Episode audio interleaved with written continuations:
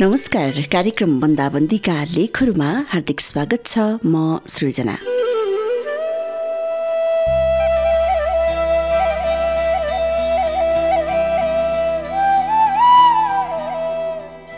Corona संक्रमण दिनानुदिन बढ्दै गइरहेको छ। लकडाउन खुकुलो भएको छ र यो संक्रमणको अन्त्य कहिले हुने हो हामी कसैलाई पनि थाहा छैन। थाहा छ त केवल एक दिन अवश्य सकिनेछ भन्ने विश्वास मात्रै र जब सकिनेछ यो समय त्यति बेला पनि कोरोना भाइरस महामारीका तिता मिठा छेनहरू भने दिमागमा सदैव ताजा नै रहनेछन्। कार्यक्रम बन्दाबन्दीका लेखहरूमा एउटा अनौठो अनुभव शीर्षकको लकडाउन डायरी आजको कार्यक्रममा प्रस्तुत गर्दैछु। यसलाई मनिष गिरीले लेख्नु भएको छ अस्ट्रेलियाबाट र यसलाई मैले हेर्ने कथाबाट साभार गरेको छु।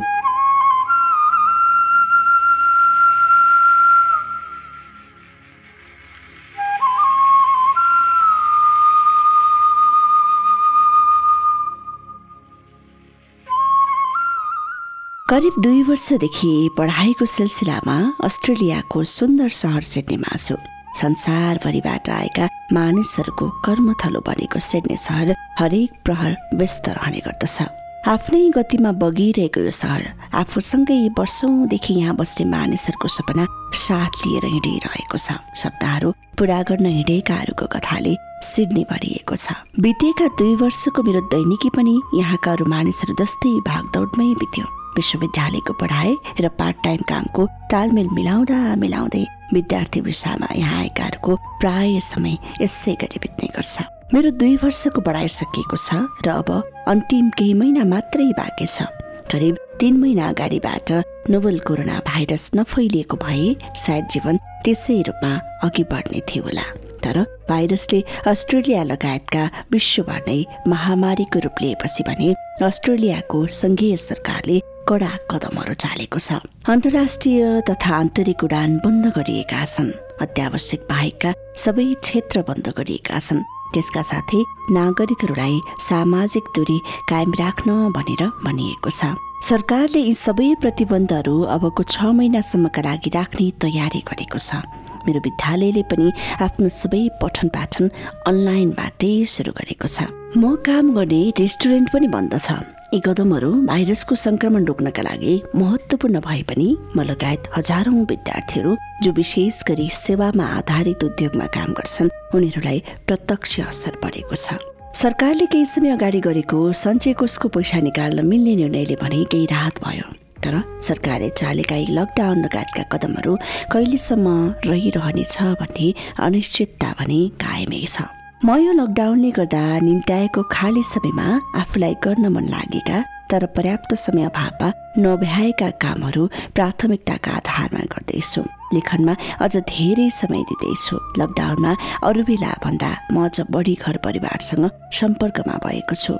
इन्टरनेटको विकासले टाढा भए पनि आफ्ना आफन्त र साथीभाइसँग निरन्तर संवादमा रहन अत्यन्तै सजिलो भएको छ। नेपालमा तुलनात्मक रूपमा कम संक्रमणले केही राहत दिएको छ तर समाचारमा हरेक दिन देखिएका संक्रमितहरूको संख्याले भने अलिकति सोचमग्न बनाएको छ। यता अस्ट्रेलियामा पनि कोरोना संक्रमितहरूको संख्या दिनदिनै बढ्दै गएको छ।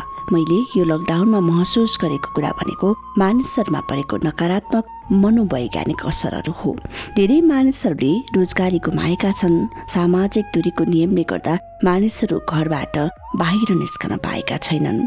मानिसहरूमा भाइरसको संक्रमणको त्रास पनि त्यत्तिकै छ। यस्तो अवस्थामा सबैभन्दा राम्रो पाए भनेको उचित मनोवैज्ञानिक परामर्श नै हो। मानिसहरूले पनि परामर्श लिन लाज अथवा डर मान्नु हुँदैन भन्ने मलाई लाग्दछ। यो समय संसारभरिका मानिसहरूका लागि जटिल समय हो तर यो समय पनि बितेर जानेछ र फेरि हामी आफ्नै भागदौडले भरिएको जिन्दगीमा फर्किएको हुनेछौँ कुनै दिन। आखिर जिन्दगी घटनाक्रमहरूको सङ्गालो न हो तर पनि यो समय जीवनभर हाम्रो दिमागमा एउटा अनौठो अनुभव बनेर अवश्य पनि बसिरहनेछ।